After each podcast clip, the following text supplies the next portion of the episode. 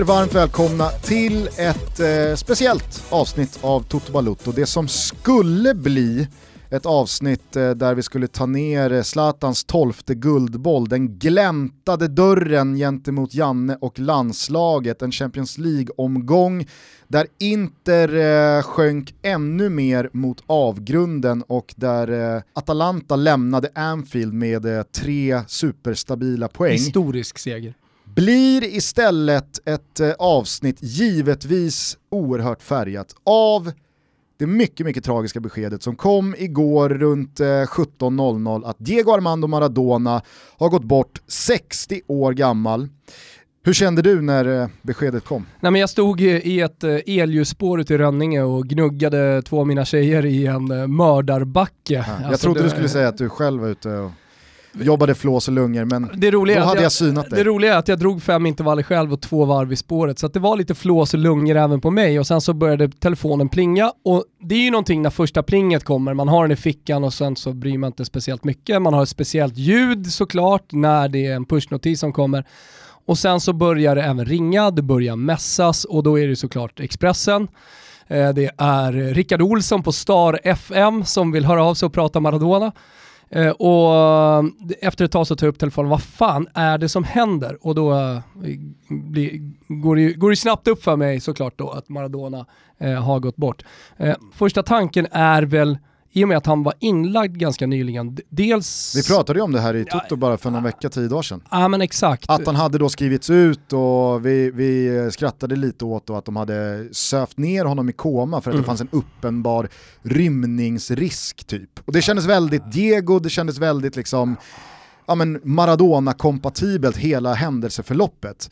Där och då Ja, men- kände man ju inte alls att, även fast man kanske borde ha räknat ut det, i synnerhet ett sånt här år med corona och allt vad det innebär med underliggande sjukdomar och så vidare, att det alltid finns en risk att det går fort åt fel håll.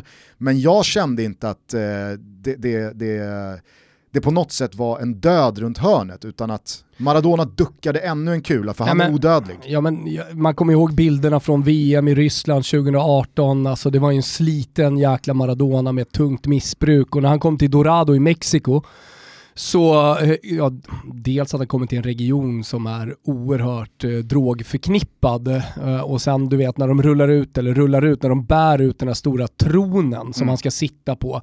Och, Och de här kommer bilderna bilder som kom från ja, omklädningsrummet. men, ja. eh, tränarbänken, Ja. när hela staben i en eh, koordinerad grupprörelse formerar sig så att eh, Maradona ska kunna dra i sig en nyckel Mm. under match, Mm. men ingen kamerablixt ska kunna träffa Och han honom. skiter ju i det för att han lever sitt liv. Hans liv är sitt liv så att säga.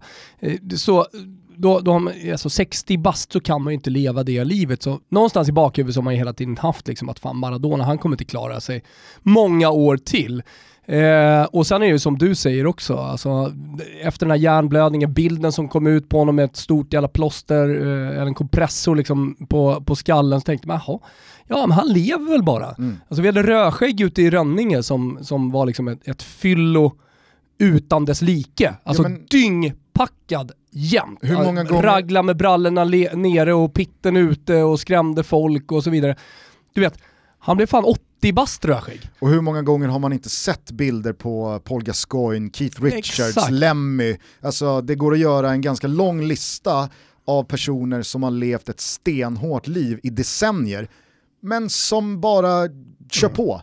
Maradona kändes odödlig. Ja. Så att efter, ett, efter, det första beskedet så blev det väl ändå som en liten, eh, inte chock men alltså det, det tog tag i hjärtat på en. Absolut. Å andra sidan så skulle jag vilja påstå att bara på det här knappa dygnet som har fortlöpt sen beskedet kom så har det också verkligen landat i att han, att han är odödlig. Mm. För även fast han har dött, även fast han har gått bort fysiskt, så märkte man ju direkt Mm. att det här, det här är ingen död som kommer vara bortglömd om ett år eller fem. Nej, det här är ingen spelare som, okej, han var, han, once he was great och det var ett eh, tragiskt livsöde och så falnar minnena.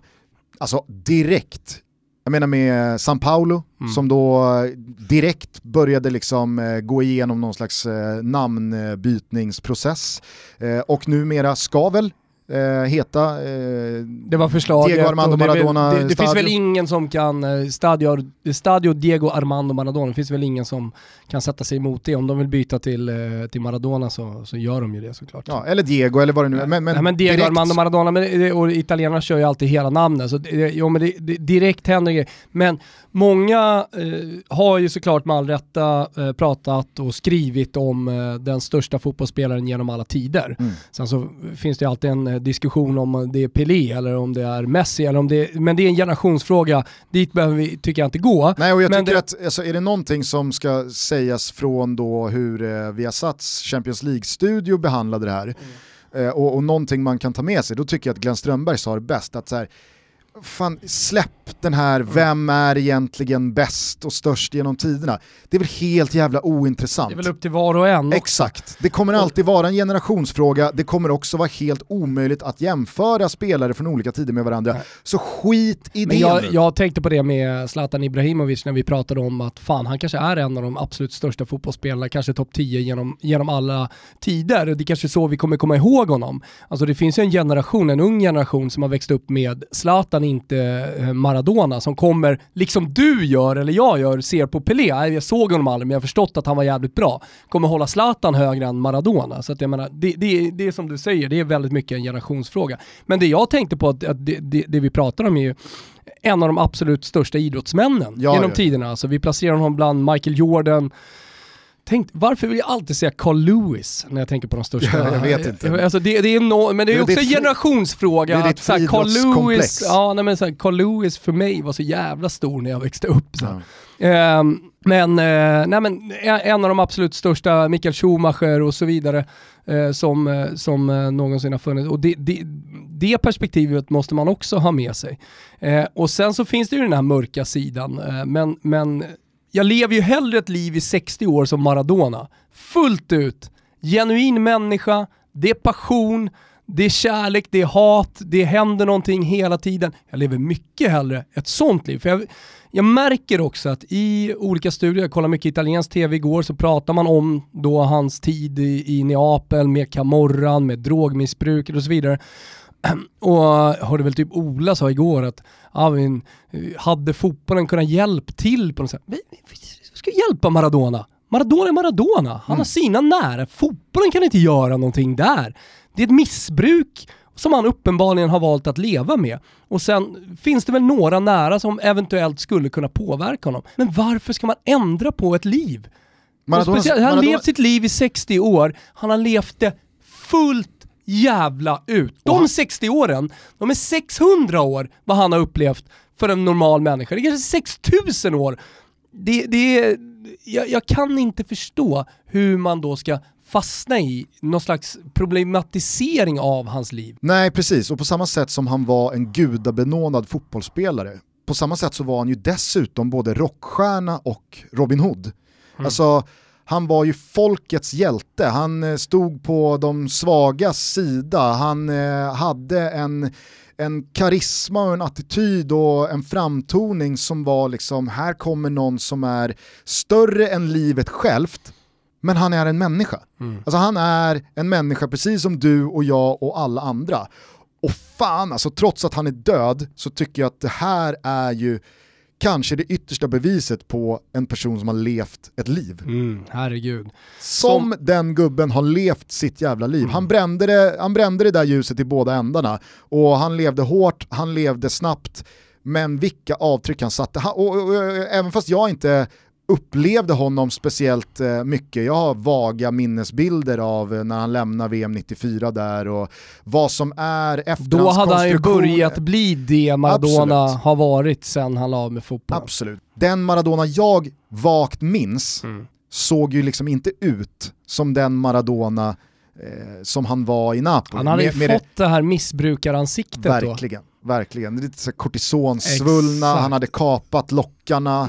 Mm. Eh, det var mer av eh, vitvaran Ja, än vad det var atleten. Men så, så. Eh, så att, Nej, nej, men visst, om man men kollar det på- bara, men jag skulle bara komma till det att eh, även fast jag tillhör den generation som bara har vaga minnesbilder av honom som aktiv och som egentligen bara har upplevt fallet, comebacken, försöken att bli ren, eh, att hamna längst nere på botten igen, alla dråpliga bilder och sessioner som Svaga du... Så, tränarsessioner. exakt.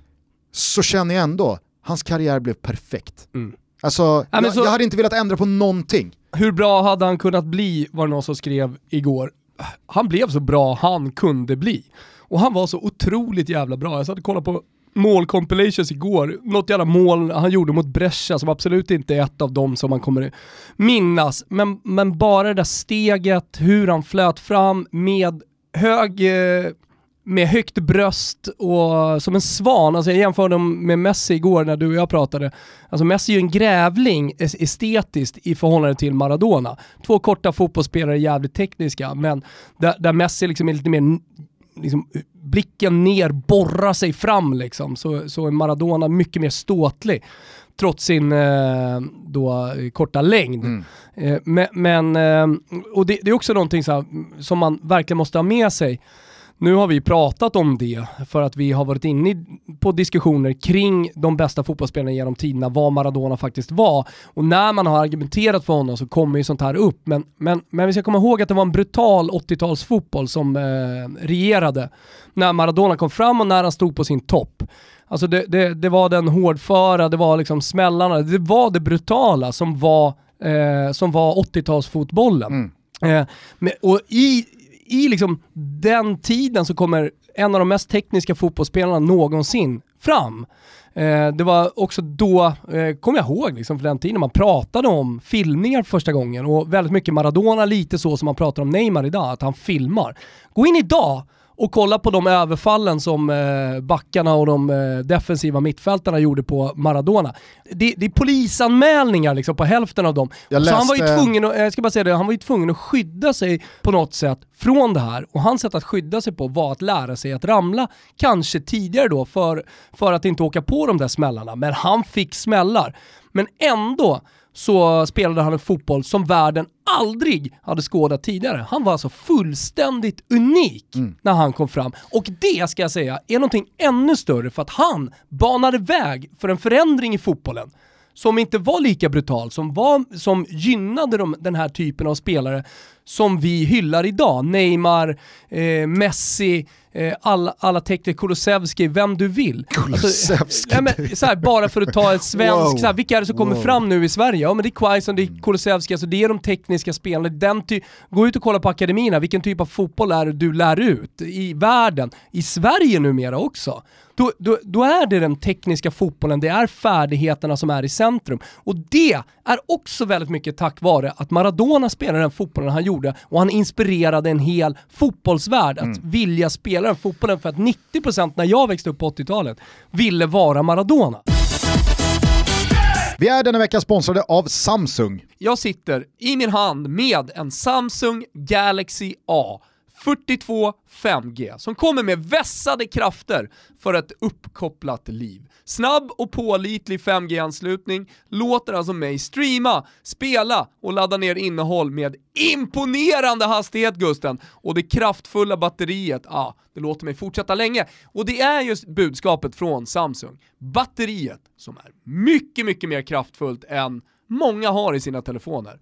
Summa summarum så är det mycket mycket prisvärd telefon och man får väldigt mycket telefon för pengarna. Också en kamera som är otrolig. Men det viktigaste för mig är den stora Infinity U-skärmen. I och med att jag streamar så mycket fotboll och alltid vill ha en second screen. Den gör mitt liv så mycket bättre. Jag kan bara rygga dig på alla dina fina ord här om Samsung Galaxy A42 5G. Vilken otrolig telefon. Ja, snabb och kraftfull och sen så, precis som jag sagt, en massa bra grejer med den här telefonen som gör att alla måste ha den. Plus 5G ready, som alltså betyder att den är förberedd att stödja 5G-nätverket. Gå in på samsung.se och läs mer om Galaxy A42 5G.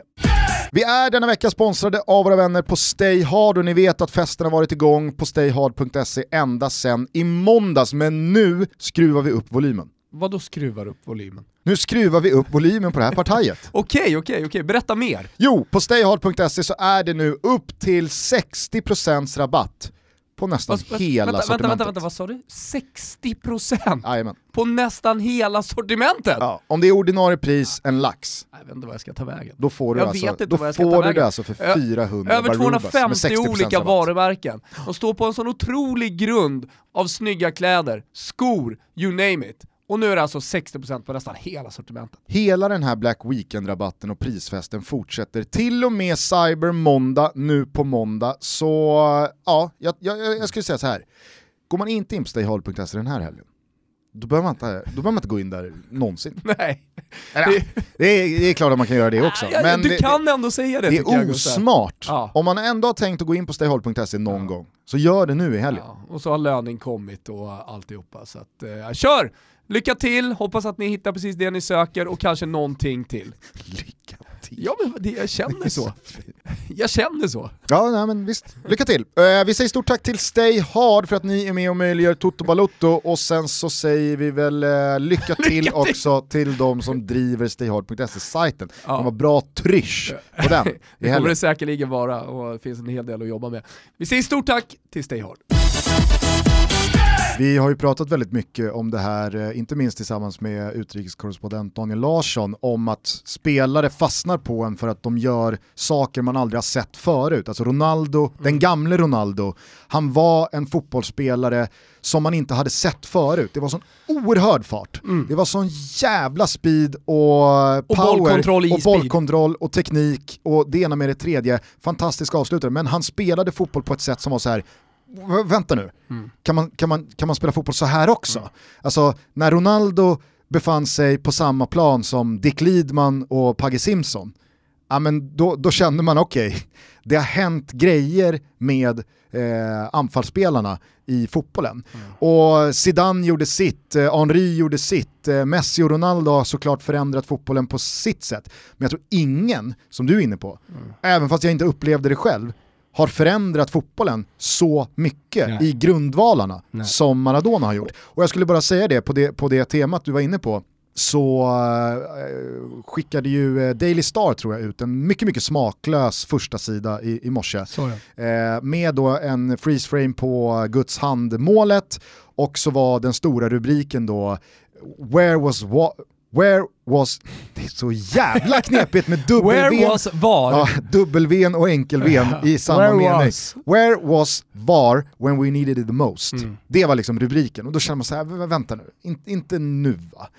Eh, men i de svallvågorna så var det också då flera som sa, du, hade VAR funnits på den tiden, då hade vi redan haft tre röda kort när det där målet gjordes. Och det tyckte jag var så jävla välformulerat eh, och, och talande för vilken typ av brutal fotboll som tilläts spelas på den tiden. Så att, eh, Ja, men det är det ena, sen så är det alla mål, alla minnen, eh, alla situationer liksom som han har varit i som kommer leva för evigt. Eh, Och, och mm, med Maradona så känner jag verkligen att han kommer leva för, le för evigt. För hur, hur har jag konsumerat Maradona de senaste 20 åren? Ja det är klart att jag har sett honom liksom med eh, fingrar eh, fulla, fulla av kokain höll jag på att säga, men med kokain på fingrarna står mot, mot något nå glas i VM 18. Visst, jag har sett det också. Ja, men alltså, han Men annars är, är det ju- så laddad när han drar den här dubbelfucken, det Ja. är väl under VM 2018. Ja. Alltså, det, Han har ju någon, han har, han har ju någon eh, händelse där när han liksom blir ledd upp, någon som filmar från läktaren jag jag Det tror inte, att det är samma, eh, samma stund. Men alltså, hans, ans kroppen ger upp. hans liksom. ansiktsuttryck innan, precis innan han drar dubbelfucken, Ja. när han har den här käken. käken. Alltså det är helt sanslöst. Ja, ja, det, det är helt sant. Så det är, det, det, är klart man levt med dem, men minnena av den unga Maradona som vann titlar i Neapel och Argentina, det, det är ju min Maradona. Alltså, så den här, den, de här legenderna, Mm. de lever för evigt. Och det är Absolut. inget som man bara liksom säger, eh, eller eh, det är raljant på något sätt eh, eller grunt som en vattenpöl utan det, han, han lever för evigt Maradona. Kommer, hans, hans mål och minnena från hans tid som fotbollsspelare kommer alltid att leva vidare. Och allting som hände med, vi gjorde en t-shirt på Nakatan när han blir utledd då tillsammans med en sjuksköterska, eh, hon har ju typ sjuksköterskekläder på sig de går in och hämtar honom för att mm. han har åkt fast för kokain ytterligare ett dopingtest. Eh, i, under VM, alltså så här, händelser som skulle hänt idag. Att Messi blir utledd eh, liksom, från en fotbollsplan mm. och så han, för, för, att han har åkt fast i ett dopingprov för att han har tagit kokain. Du vet det där, man, man minns inte det tillfället speciellt mycket, tänker jag. Men never forget alltså, det, det, det, är de där grejerna som också har gjort honom legendarisk. Jo men framförallt så är ju Diego Armando Maradona själva sinnebilden av den typ av fotbollsspelare som också är en människa. Som du och jag och väldigt många andra saknar idag totalt. Mm. Jag menar idag så, idag så vågar eh, folk knappt säga halv sju, ännu mindre göra någonting som på något sätt är mänskligt för att man vet att det inte är värt det. Det men blir sån jävla drar någon jävla raket Nej, i ett badrum och så är, är det någonting man snackar om fortfarande och kidsen idag tycker att han är helt crazy. Kulusevski sa att han var chockad när han inte eh, var med i, i startelvan för att han ah. blev lite förvånad. Den mediastormen som blev på det kommer ju göra att Kulusevski, han, han pallar inte ens säga en Nej. sån sak igen. Tänker på allt, varenda ord han säger, man hör det på fotbollsspelarna idag också. Att det är liksom, de tänker efter. Ja. Varenda jävla ord ska läggas rätt. Jo men om Ludvig Augustinssons termobyxor som han tjackade för sin första stora feta lön i FCK för att kunna återhämta sina muskler på absolut bästa sätt. Om det är ena änden mm. så är ju Maradonas hela liv, hela gärning mm. i den andra. Och det är ju det är liksom, även fast man inte behöver glorifiera droger och man eh, behöver inte otvivelaktigt hylla en person som har eh, trampat jävligt snett många gånger. Men han har varit en människa, han har felat, han har gjort misstag, precis som jag har gjort, precis som du har gjort och precis som alla människor i den här världen gör Förutom dagens fotbollsspelare. Ja, du har sett dokumentären om Maradona, otrolig dokumentär Verkligen. för övrigt. Det jag tycker är starkast där, det är ju hur, under vilket jävla tryck han levde.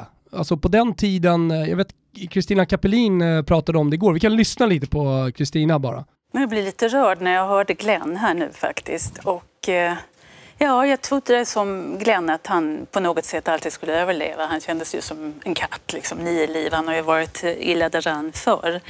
Men det känns lite i hjärtat också faktiskt och bland annat för min del därför att Glenn har spelat mot honom men jag eh, halkade liksom in på min ganska oväntade bana som sportjournalist faktiskt rätt mycket tack vare honom för att det var jag som täckte eh, hans eh, eh seger där, alltså när, när Napoli vinner ligan första gången 87. Och du, du har träffat honom också? Ja, ja, det har jag, men inte då. Nej. Jag träffade honom i samband med fotbolls-VM i Italien ja. 1990. Eh, det var liksom en helt makalös upplevelse. Mm. På, på vilket sätt då? Alltså, Argentina eh, hade sitt läger på eh, Romas träningsläger och eh, eh, där var liksom hela klanen. Maradona var där och Maradonas pappa så dansade salsa själv. Och, liksom. och de hade en jättestor grill och de spelade väldigt hög musik. Och, och eh, på den tiden hade man ju liksom en helt annan till... Alltså man kom ju till. Så vi var 15-20 journalister som stod och väntade och väntade och väntade och till sist så kommer han då. Och eh, det känns ju rätt eh, mäktigt ändå att liksom man får träffa honom honom. Mm. Om man ska, mäktigt säger du, eh, om vi ska försöka bena ut lite, vad, vad var det som gjorde honom så stor på flera plan? Både på planen och utanför planen?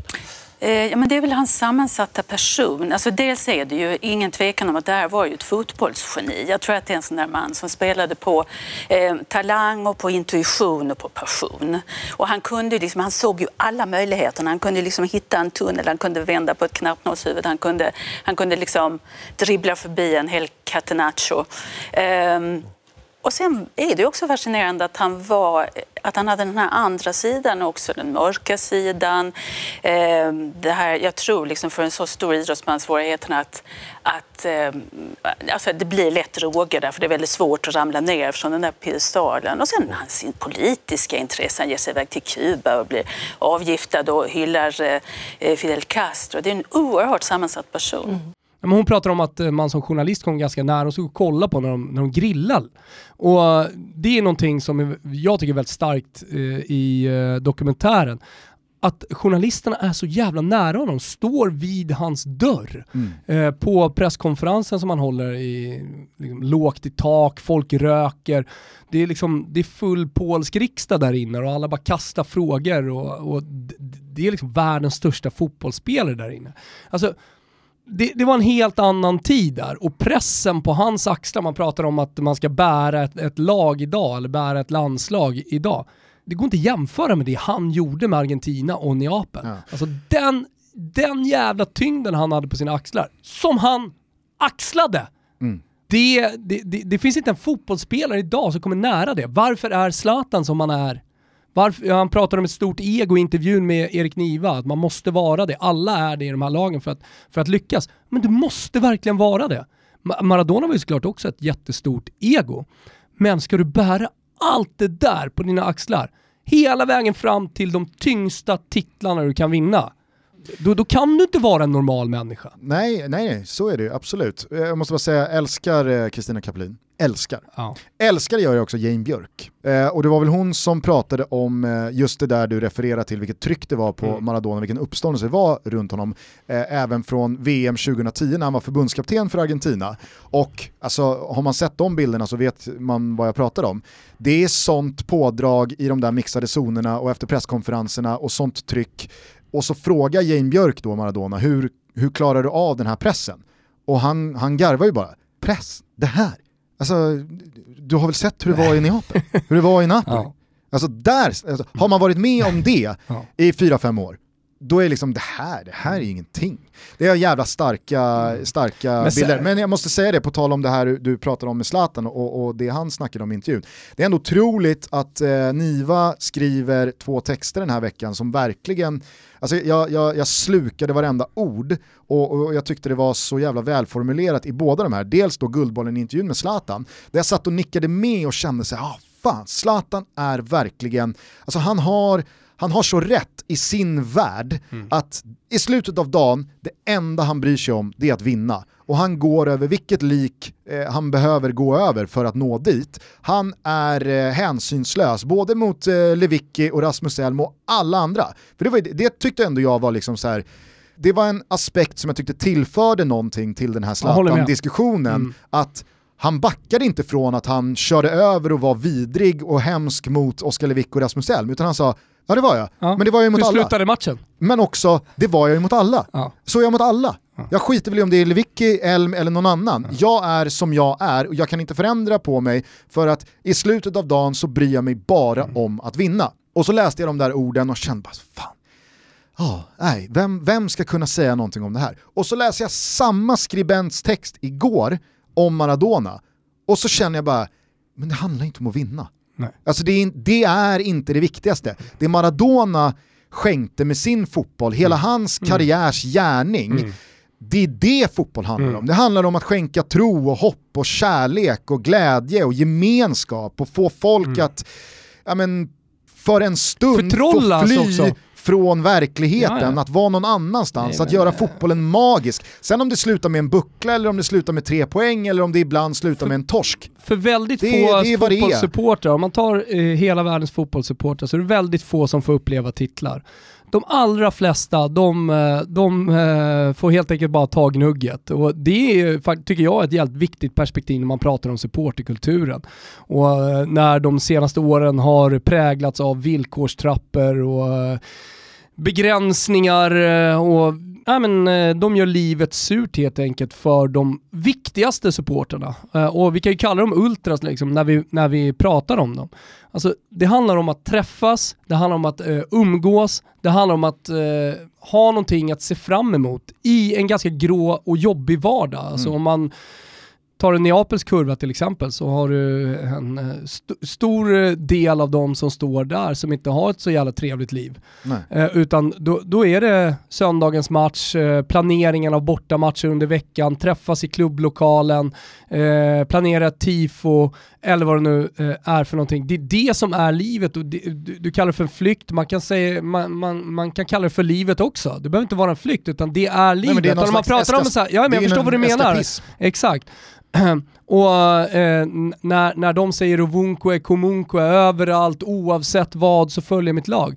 Det är inte tomma ord, utan det är så. Alltså i vått och torrt hela tiden så följer mitt lag och det, det, det är, livet är värt att leva bara för att följa ett fotbollslag. Det behöver inte vara svårare än så. Och, och där, där, om man tar då en spelare som Maradona, så allting som han har skänkt till staden Neapel, till Argentina för all del ska sägas också. För jag menar, här sitter du och jag som neutrala supportrar som dessutom, ja, jag var väldigt ung under hans tid eh, och, och, du minns honom eh, från VM 94. Och ändå minns honom som den stora. Alltså, jag hörde någon... Eh... Framförallt så minns jag ju en barndom, ett 90-tal, ja. där fotbollen på rasterna på skolgården Alltså det här var pre-Zidane, det här var pre-Ronaldo, det här var pre-Totti, det var pre-allt.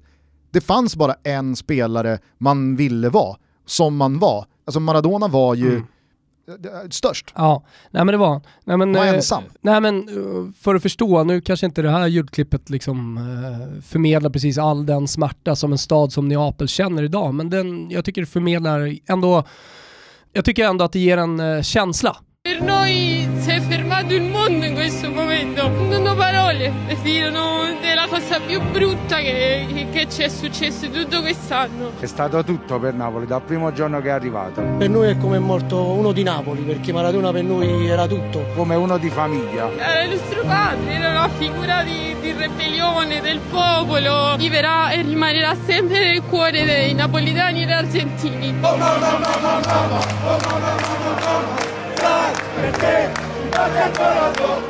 ho visto Maradona un Maradona c'è solo un Maradona un Maradona c'è solo un Maradona come Argentina a Napoli posso dire che come popoli sentiamo in questo momento la stessa cosa perché Maradona ci ha dato delle più grandi, delle più grandi felicità, dei più grandi momenti non solo calcisticamente.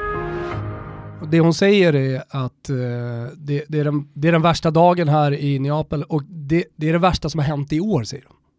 Mm. Och det är ett år när vi har haft en pandemi. Det sämsta jävla skitåret någonsin. Mm. Men det värsta som har hänt i år, det är att Maradona har gått bort. Mm.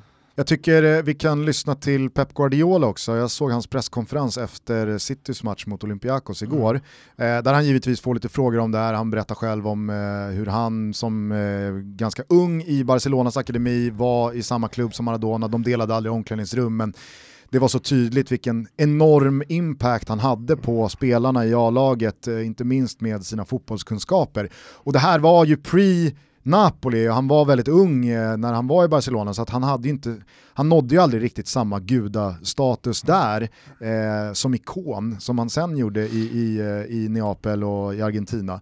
Eh, men jag tycker att eh, Pep eh, refererar till en banderoll här som jag tycker kapslar in allt det vi pratar om. Mm. Hi Pep, good evening. Um, just away from the game Um, I hope you forgive me for asking this, but uh, obviously the, the, the, sad news in football today of yeah. Diego Maradona dying at the age of 60. Um, your reflections on him as a player and the impact he had on, on you, maybe? Well, it was it was a banner in Argentina. I think one year ago I read it that uh, it said, "No matter what you have done with your life, Diego, it matters what you have done for our lives." I think expressed perfectly what this guy gave us. Uh, the man of joy and the pleasure and uh, and uh, his commitment for his uh, the world football. He made the world football better. His performance in uh, you know what had done in Napoli, a team for the south, and uh, especially the national team in Argentina, Mexico, '86 was something unbelievable. And uh, yeah, rest in peace. And in behalf of Manchester City, of course, a big hug for all his family. Han minns då en banderoll här bara för något år sedan som han såg på en läktare där Maradona fanns på plats. Eh, som eh, alltså lydde, det spelar ingen roll vad du har gjort i ditt liv Och då får man väl utgå från att eh, banderollmakaren menar då alla snedsteg och all jävla skit. Det enda som spelar roll är vad du gjort för våra liv. Mm. Och det där tycker jag är så jävla fint för jag tror att i förlängningen så är inte det där VM-bucklan. Det är inte för Napoli-supportrarna Scudetti.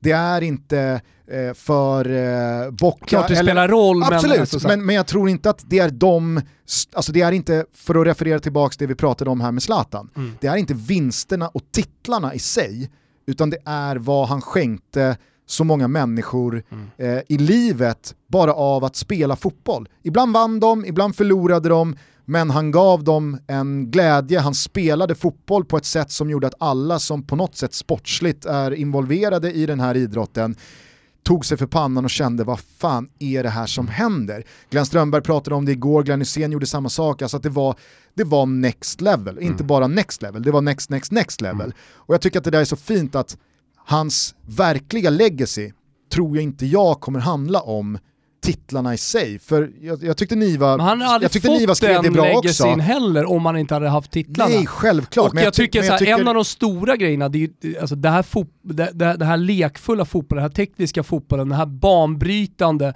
eh, pionjärfotbollen som man spelar på 80-talet, eh, den leder till titlar. Mm. Det, det är målet mot England i semifinalen 1986, alltså århundradets mål, som görs i en semifinal i VM. Mm. Det är det. Ja, nej absolut, och, och det säger jag ingenting om, men jag tycker att Niva skrev det bra igår också, att titlarna som Maradona bärgade är ju inte unika på något sätt i jämförelse med några andra av de största i historien. Det är inte så att Maradona har staplat fler bucklor på hög än någon annan. Han har vunnit eh, ett par kupper, han har vunnit ett par ligatitlar, han har vunnit VM. Det har ganska många. Men på sättet han gjorde det, Exakt. det var med vad han fyllde titlarna och betydelserna med. Mm. Det är det som är extraordinärt. Och, och just det där att det spelar ingen roll vad du har gjort i ditt liv som har blivit fel. Det enda som spelar roll för oss är vad du har gett våra liv. Mm. Det är inte många spelare i världshistorien som kan, jag tror inte, jag tror inte Michel Platini eller några andra spelare som har vunnit stora titlar och... Jag tror inte, Michel Platini är intressant för att eh, alltså jag tror snarare han har fått ett smutsigare lite legacy eh, och han, när man kommer ihåg Michel Platini, ja visst fotbollsspelare, alla vet att han var grym liksom under sin tid och på 80-talet samtidigt som Maradona spelade.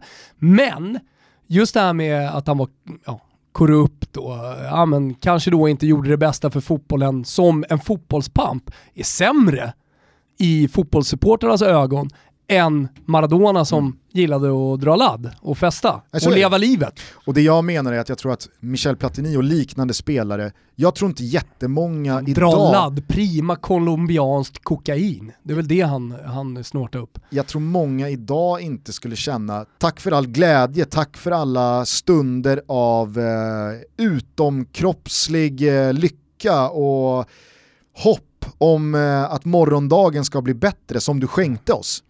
Nej. Det var ett EM-guld och det var ligatitlar och det var fantastiska insatser på en plan. Men det stannade någonstans där. Och då pratar jag inte om Platini explicit, utan det finns väldigt många som det går att applicera det legacyt på. Men med Maradona så är det någonting annat. Och, och jag tror, du nämner Michael Jordan, Schumacher, eh, Kobe Bryant var ett eh, liksom, tragiskt exempel från tidigare i år, där det också blev ganska tydligt att, ja visst, stor grej, jag tror att om Schumacher till slut väl- skulle dö, ja. eller om han kanske faktiskt är död, Ja. det kommuniceras någon gång, eller om Wayne Gretzky skulle eh, gå bort eh, nästa år. Jag, jag, jag tror att det är ganska så långt ifrån det som hände igår och det som händer idag. Absolut, sen är ju fotbollen den absolut största sporten i världen eh, och, Och det är därför jag tror Maradona som jag är gör. legendarisk på en sätt som eh, ingen av de här är. Det här är första sida i Argentina, i Angola, i Burma, Ja. i Norge och i Alaska. Alltså, fan vad synd fan för min, i Alaska. Fan vad synd för min allitteration där, är, att jag slängde in Burma. är det några som missar Maradona idag så är det ju jänkarna. Det fan alltså, jag har inte sett så många, jag har sett väl, vi har lagt ut på våra sociala medier eh, lite collage då på första sidor. Jag tror inte det är några jänkartidningar med. Eh, jag tycker att eh, allt det vi har pratat om, alltså den brutala fotbollen som Maradona både förändrade och tog sig fram genom förutsättningarna som var då, den eh, otroliga impact han hade på spelarna som han både spelade med och som han mötte, glädjen han skänkte folket, hans extrema teknik, eh, men också att han var på två ben den fotbollsspelare som allra tydligast varit ett med bollen.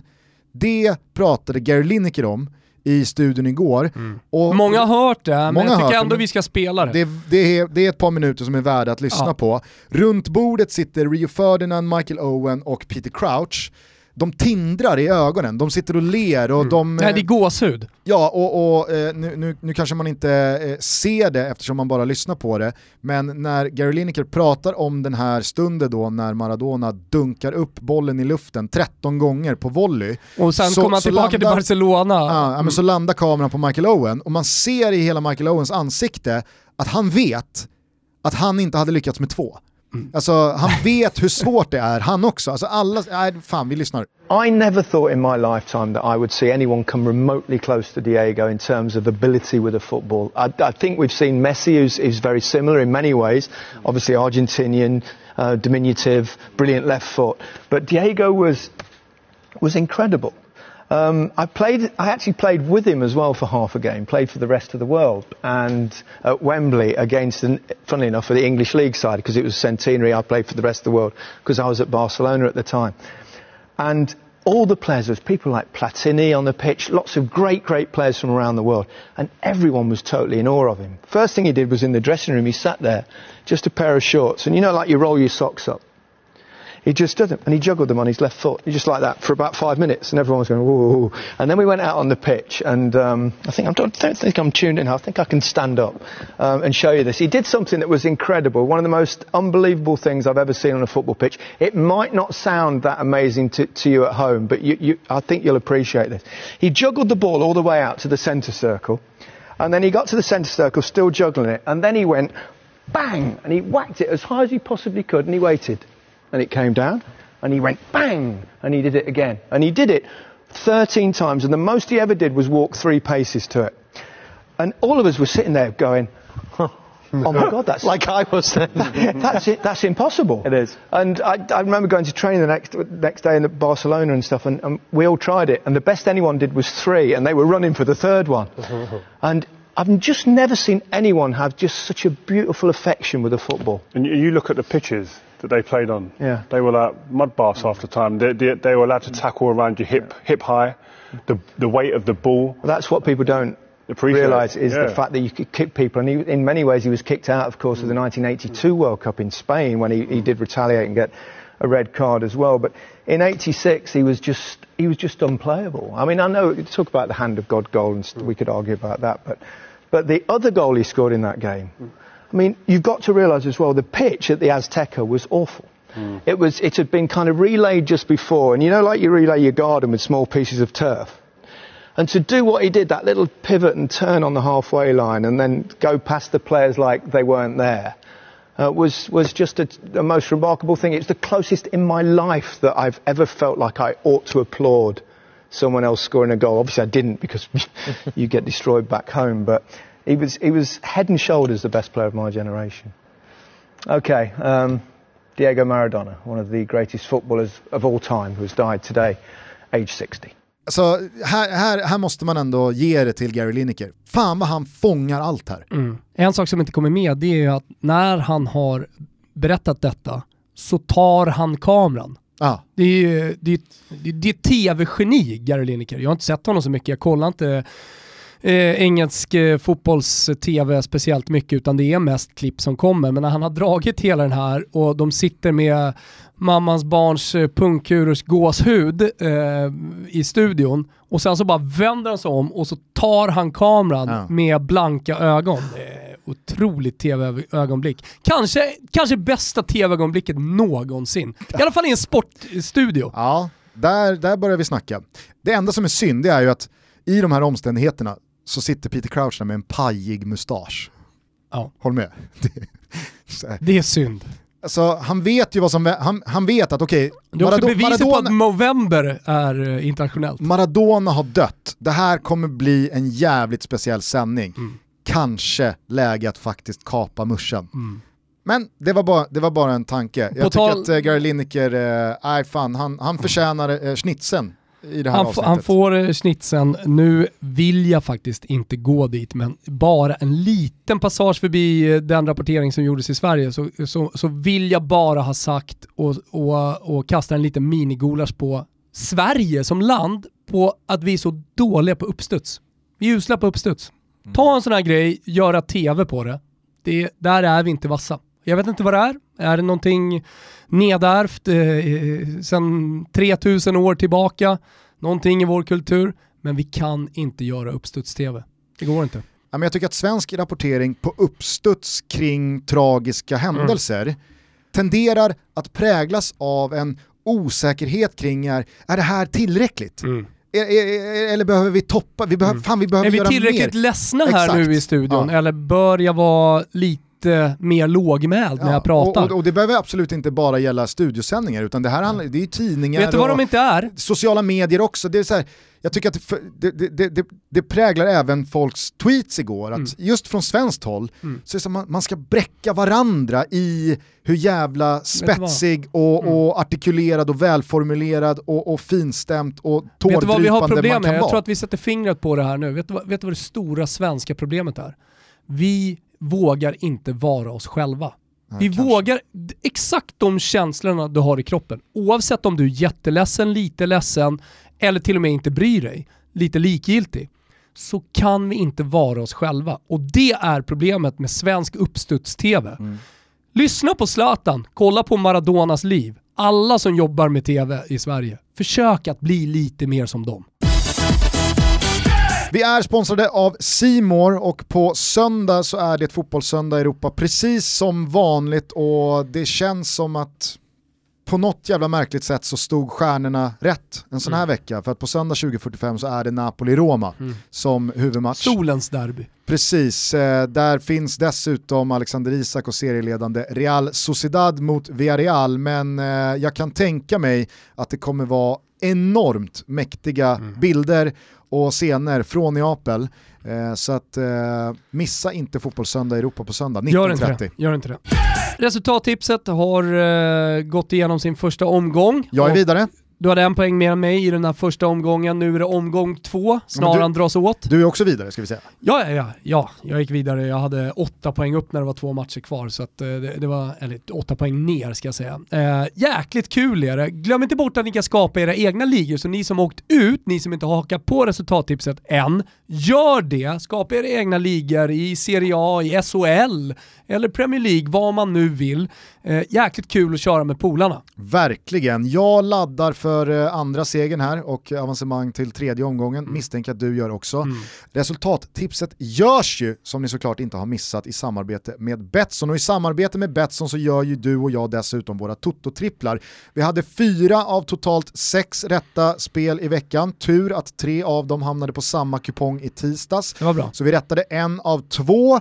Nya tag här nu till ligahelgen men vi avvaktar eh, kvällens Europa League för att ha med oss alla förutsättningar Ja. in i helgen innan vi eh, knåpar ihop den. Så att, eh, häng med oss på sociala medier, antingen Totos eller Betsson så missar ni inte den. Exakt, och vi vill verkligen göra jobbet den här, eh, den här, inför den här helgen och eh, det har varit mycket annat i veckan att eh, tänka på. Så att det kommer en Toto-trippel, häng med på sociala medier. Tänk på att du måste vara 18 år gammal om du ska spela och eh, stödlinjen.se finns för de som har problem med spel. Vi är som ni vet vid det här laget sponsrade av våra vänner på K-Rauta och de snålar inte vad gäller erbjudanden här nu under Black Weekend. Nej men det är klart de inte gör. K-Rauta är alltid på tåg Gusten, du vet hur finnarna är. Från och med idag, torsdag, till och med Cyber Måndag, 30 november, alltså på måndag, så duggar erbjudandena tätt. Inte bara i varuhuset utan framför allt så vill K-Rauta slå ett slag för handeln online. Krauta.se, för där kan man ju då beställa sina varor, man kan antingen be om hemleverans eller så kan man på ett säkert sätt som lirar med rekommendationerna och restriktionerna här i landet och och hämta sina grejer på deras varuutlämning. Vad är det för erbjudande då, tror du? Jag har ju precis köpt en kompressor Gusten. Alltså det var en sån jäkla apparat. Den har gjort mitt liv så mycket enklare. Du vet man måste alltid fylla på och pumpa bollarna. Och med den här kompressorn så kan jag ta med den överallt i och med att den, den är då eh, batteridriven. Otroligt. Men vill du ha ett litet axplock Ja, här jag, ska, från, eh, jag, sk- jag ska ha ett axplock eh, Gusten. Det är då bland annat 20% rabatt på all lagerförd inomhusfärg från Beckers. Det är 20% på hela det lagerlagda sortimentet av kakel och klinker. Det är eh, 20% på hela Harvias sortiment av bastuprodukter. Det är 30% på hela Hafa och Noros sortiment. Ja, men lugna dig nu. Ja, jag får nog faktiskt ta och lugna mig. Gå in på coreauto.se ni också och kika på alla erbjudanden som gäller här nu över hela Black Weekend till och med måndag.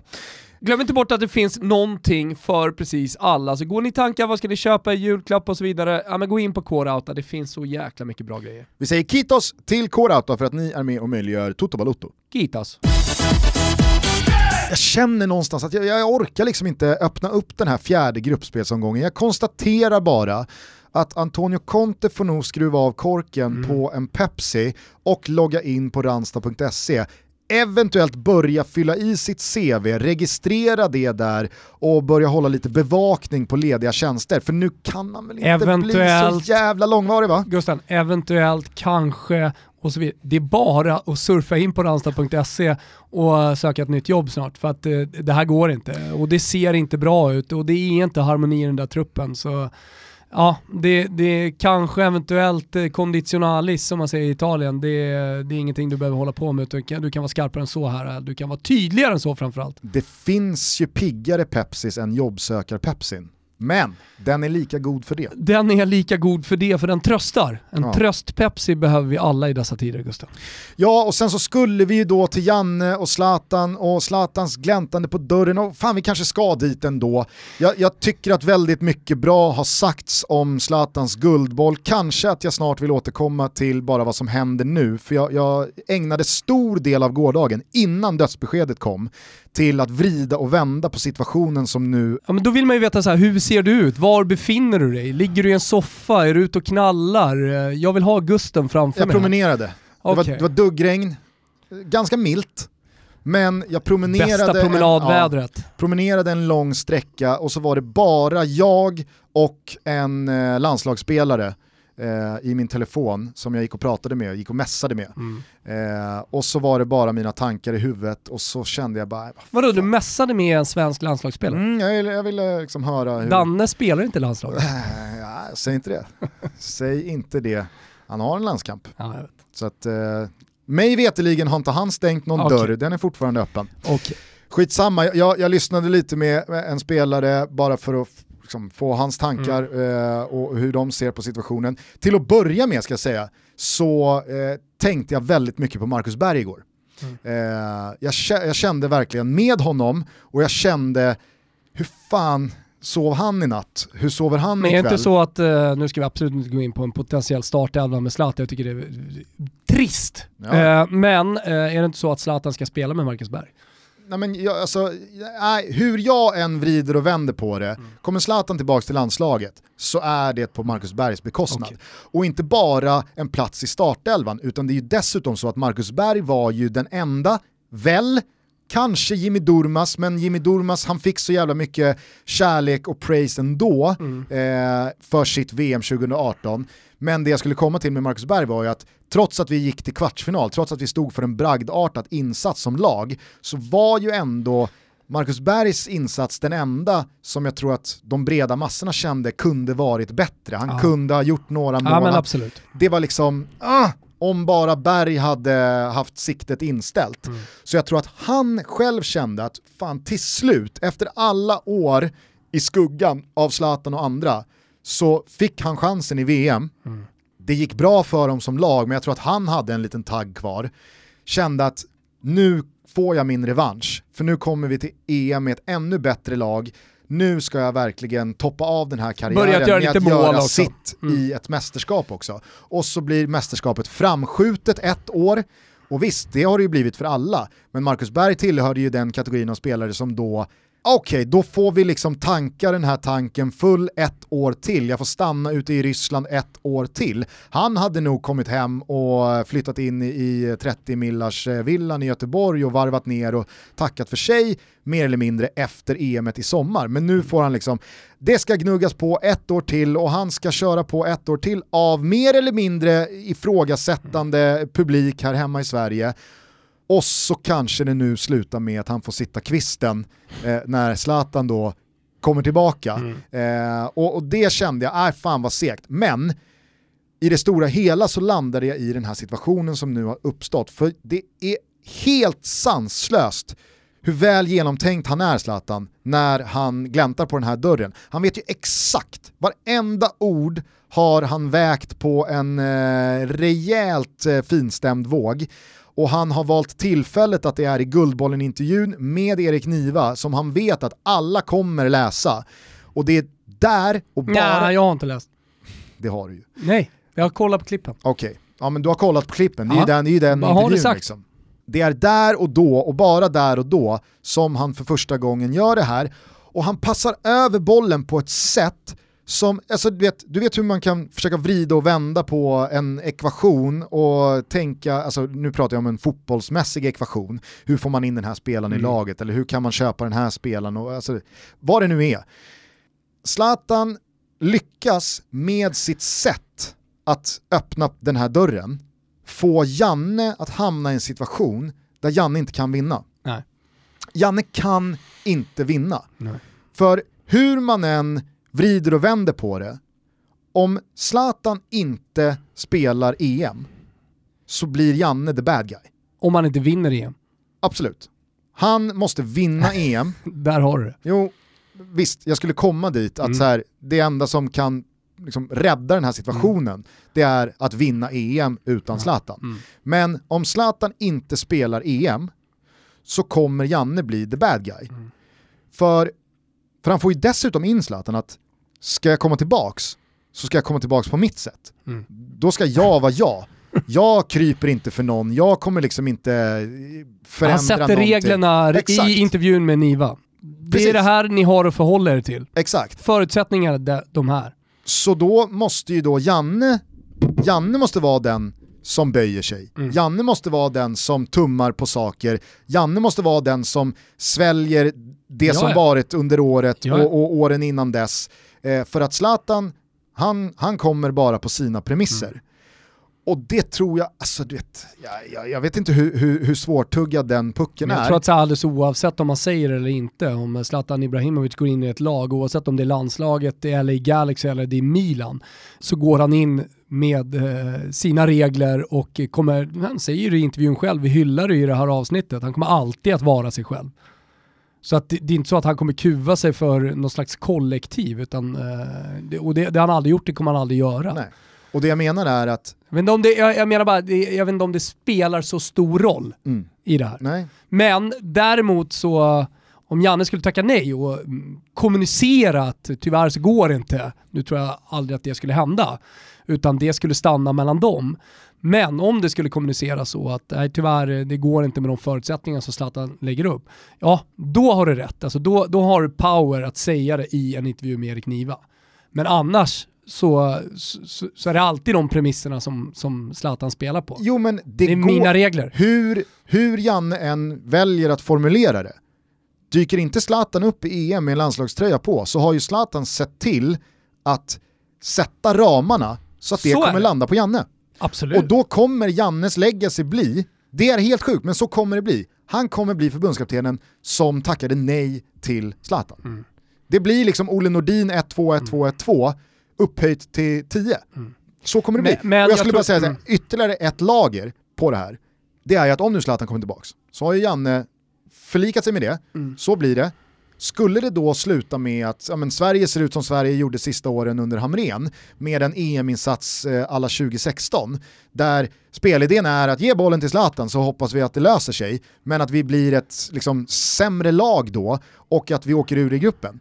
Då tror jag Janne, alltså, Janne kommer leva resten av sitt liv så kommer han ligga på huvudkudden varje kväll och tänka vad hade det blivit om Men det kommer inte bli så, eh, om, om man tittar på Zlatan i LA Galaxy så handlade det väldigt mycket om att ge bollen till Zlatan. Om inte bollen kom dit så blev han väldigt förbannad. Vi har alla sett han gestikulera, skälla på sina lagkamrater i Milan också, sätta stor press på dem även ute på planen och göra det tydligt. Absolut, men det är ett Milan med stort självförtroende, individuellt självförtroende med Theo Hernandez som tar sina egna räder, med Sälemäcker som går en mot en, eh, med Leao när han spelar som också vågar väldigt mycket. Så att, alltså så här, kommer Zlatan in i landslaget så har han lagkamrater som inte är de som spelade 2016, det är mycket skickligare lagkamrater.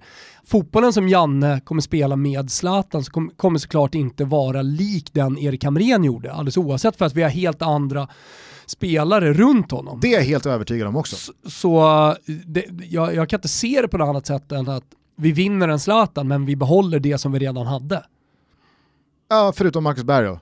Han, han ser det nog inte på det sättet. Jag vet inte fan om inte spelar, om inte startar med Berg och Vänta, Zlatan. vänta här Vänta, förvåna ja, men alltså så här, okej, du- du- alltså uteslutningsmetoden är ju en av de enklaste metoderna som finns. Ja. Om Berg ska vara kvar i en startelva och Zlatan ska in i den, vem ska bort då? då? Klasen.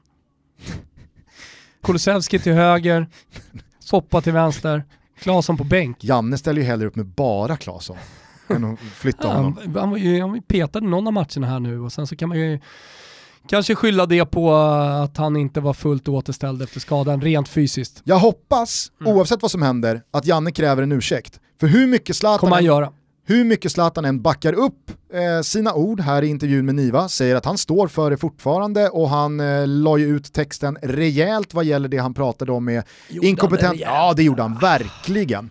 Inkompetenta människor på fel platser i, i svensk fotboll och vad han försöker göra och vad han tycker är viktigt med ett landslag och vad förbundet ska stå okej. för. Jag, sa, sa, jag, jag bedömde det inte, jag sa bara att han la ut Nej, men jag bedömde det. rejält. Mm, och jag bedömde det. Så att det var ju absolut inte att Zlatan sa någonting i stil med ja men det där kom ut fel eller eh, det, det, det landade snett, utan jag, jag menar såklart det, alltså noll av det. Grattis Sverige, jag fick din bedömning också. Men vad den Zlatan tycker och tänker själv om sina egna uttalanden, så var det uttalanden som var över gränsen Ja. gentemot Janne. De var inte okej, eller de var på ett sätt som jag sa, ah, du får tycka så här. Men då har fan Janne all rätt i världen att kräva en ursäkt om ni nu ska jobba ihop. Och det hoppas jag verkligen att Janne gör. Ja. För den Janne Andersson jag känner, och som jag har haft en bild av som förbundskapten i över fyra år nu, han ska inte böja sig för någon. Han har en jävla rak rygg och han har en integritet som jag älskar. Och det vill jag också ha sagt. Tror man Fan vad jag underskattar tycker- de här två fan personerna? vad jag tycker Janne har sagt allting rätt den här hösten. Mm. Dels då när eh, Zlatan gick ut med de här tweetsen kring Kulusevski Mm. chockad gate. Eh, på presskonferenserna efteråt så var han ju helt otrolig. Vi kan sitta här hela dagen och prata om Zlatan om ni vill, det är bara att köra. Jag, jag, det, shoot. Yours. Och sen nu igår då, när han bemöter eh, att han eh, gläntar på dörren här för första gången. Sättet han, alltså, fan, han gör alla rätt här Janne. Men det är en ekvation som är så otroligt genomtänkt av Zlatan. Eh, att jag, jag hade nästan lite annöd. Jag håller med dig, men sen ska vi inte underskatta Zlatan och Janne Andersson. Eh, deras kommunikativa förmåga, deras förmåga att eh, one-on-one prata med varandra och lösa problem. Jag tror, att, jag, jag tror på riktigt att det där löser de på fem jävla minuter. De först pratar telefon, lite lössnack, vi träffas, Janne åker ner till Milano, de sätter sig ner. Kanske ta en bärs ihop, eh, Zlatan visar honom eh, någon bra restaurang i Milano dit han vill ta honom och sen så är saken biff och så spelar Zlatan i landslaget. Jag tror att det är så enkelt. De är, de är så pass intelligenta de här två människorna och de, de, de har varit med förr, de har levt i omklädningsrum, det har varit jidder och det har kastats skit i, i, i media. Och Janne Andersson kan brinna på eh, samma sätt som Zlatan kan brinna och man kan vara het och man kan säga saker som man kanske inte riktigt menar. Men i grunden så vill ju faktiskt Zlatan säga något. Det du pratar om att han lägger ut texten. Det kommer Zlatan förklara och Janne kommer köpa det. Och sen så kommer, så kommer det där vara löst. Och en jag- resa till Milano, men egentligen så krävs det bara fem minuter. Jag tror också att de kan lösa det både på ett personligt plan och inte, Kan, minst, och inte minst på ett fotbollsmässigt plan. Det är jag helt övertygad om också. Jag tror att det kommer ske, självklart eh, efter det Janne också säger så kommer de ju ha kontakt. Det som jag tror är jävligt skönt nu för både Janne och alla andra inblandade i det här, det är att nästa landslagssamling är först i mars. Det finns tid. Ja. Det, det, det, det, det, brinner inte i knutarna. Eh, det är inte en EM-trupp som ska tas ut om åtta dagar. Mm. Eh, men åker Janne ner till Milano som jag tycker att han ska göra och de når till fredspipan hela vägen, då måste det också kommuniceras ut en sån jävla bild. Mm. Alltså det måste, vara, det måste vara armkrok eller eh, en kram eller liksom eh, my boy. När eh, Janne också- har Zlatan i den- någon slags här armkrok och kör en knuten näve mot hakan och liksom, Ja. nu ska vi uträtta stordåd Men det är ingen pressbild, vet du vad? Det är ingen pressbild utan det ska tas med en Samsung. Är du med? Med kameran, selfie, Zlatan ska hålla, Janne ska hålla i telefonen. Hallå, titta här, Ja, här är vi. Faktiskt. Förstår du? Så Det- det blir mer genuin, det blir mer äkta. Den känns som, "Aha, där är de två och tar en liten selfie tillsammans. De verkar ju dunderpolare. Eller hur? Absolut, men oavsett, och det var det jag landade i, oavsett om det slutar så här, Mm. att de röker fredspipa, vi kommer till EM tillsammans, Zlatan på topp, alla misslyckanden, jag landar på Janne.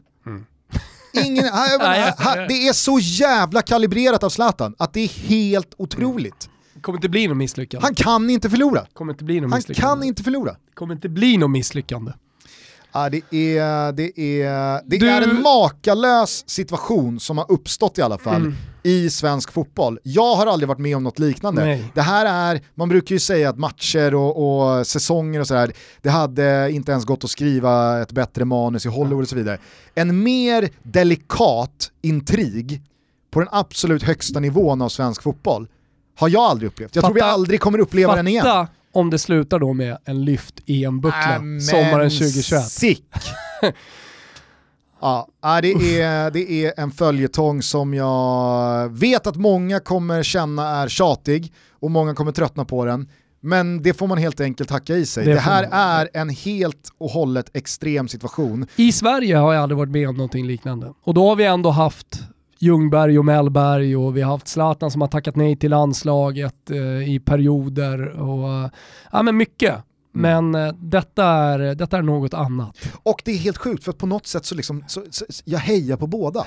Jag vet. Om det nu vet. liksom ska fort, Jag tror många om det känner nu ska så. fortgå en konflikt så vet jag liksom inte om så här.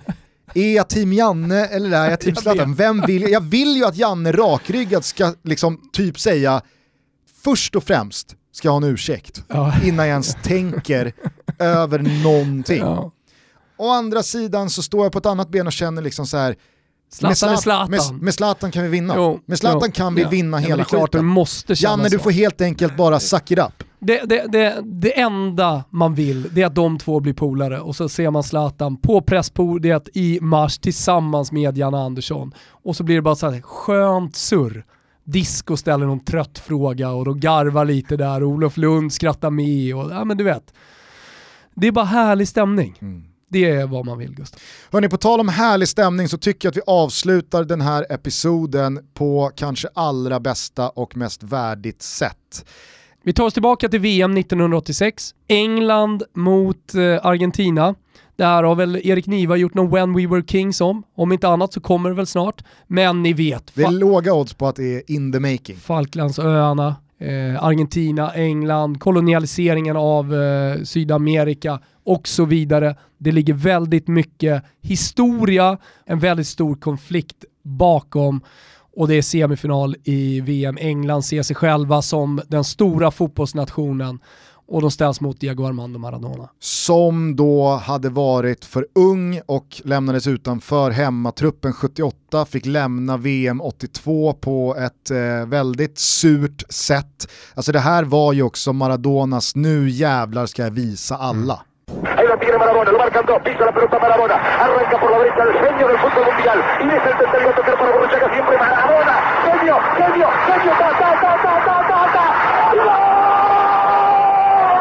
y gol, y gol, y gol, ¡Está viva el fútbol! ¡Golazo! ¡Y gol! ¡Maradona! ¡Es para llorar! ¡Perdónenme! ¡Maradona! En la corrida memorable, en la jugada de todos los tiempos, barrilete cósmico, ¿de qué planeta viniste? Para dejar el chavinetante inglés, para que el país se opulle apretado, gritando por Argentina, Argentina 2, Inglaterra 0, Diego, Diego, Diego Armando Maradona, gracias Dios por el fútbol, por Maradona, por esas lágrimas.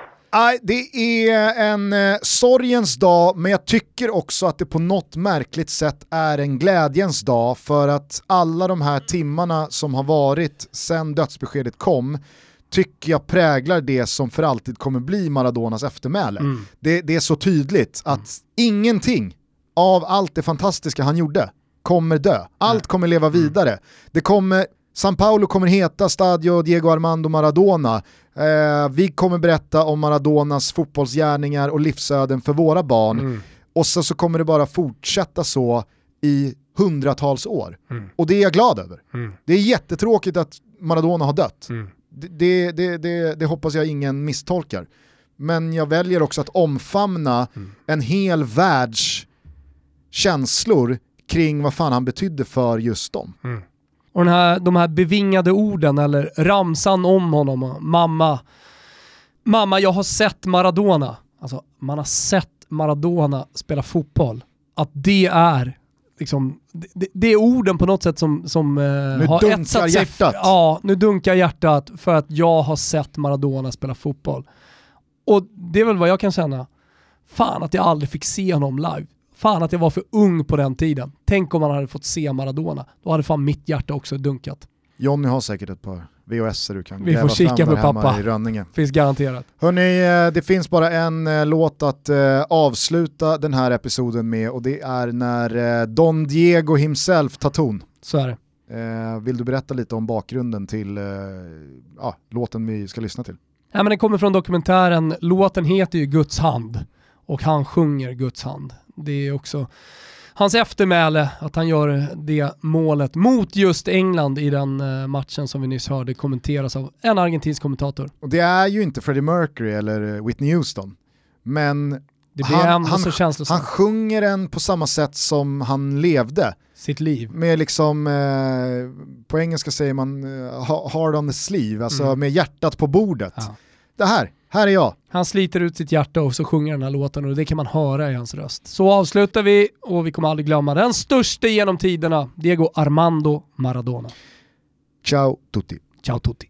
En una villa nací, fue deseo de Dios crecer y sobrevivir a la humilde expresión, enfrentar la adversidad con afán de ganarme a cada paso la vida.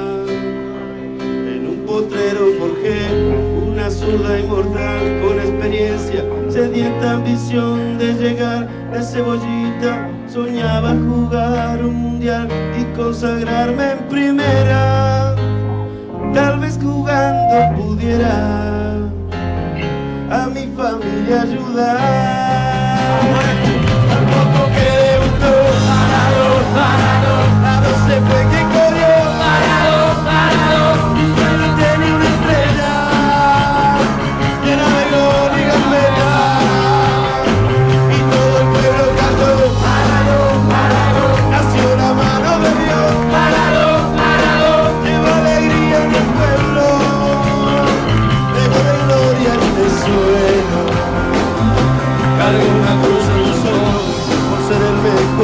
mejor, por no venderme jamás al poder enfrente curiosa debilidad. Si Jesús tropezó, porque no había de hacerlo yo. Mamá me presentó una blanca mujer de misterioso sabor y prohibido placer. Tengo gran deseo de usarla otra vez, involucrando mi vida. Y es un partido que un día voy a ganar.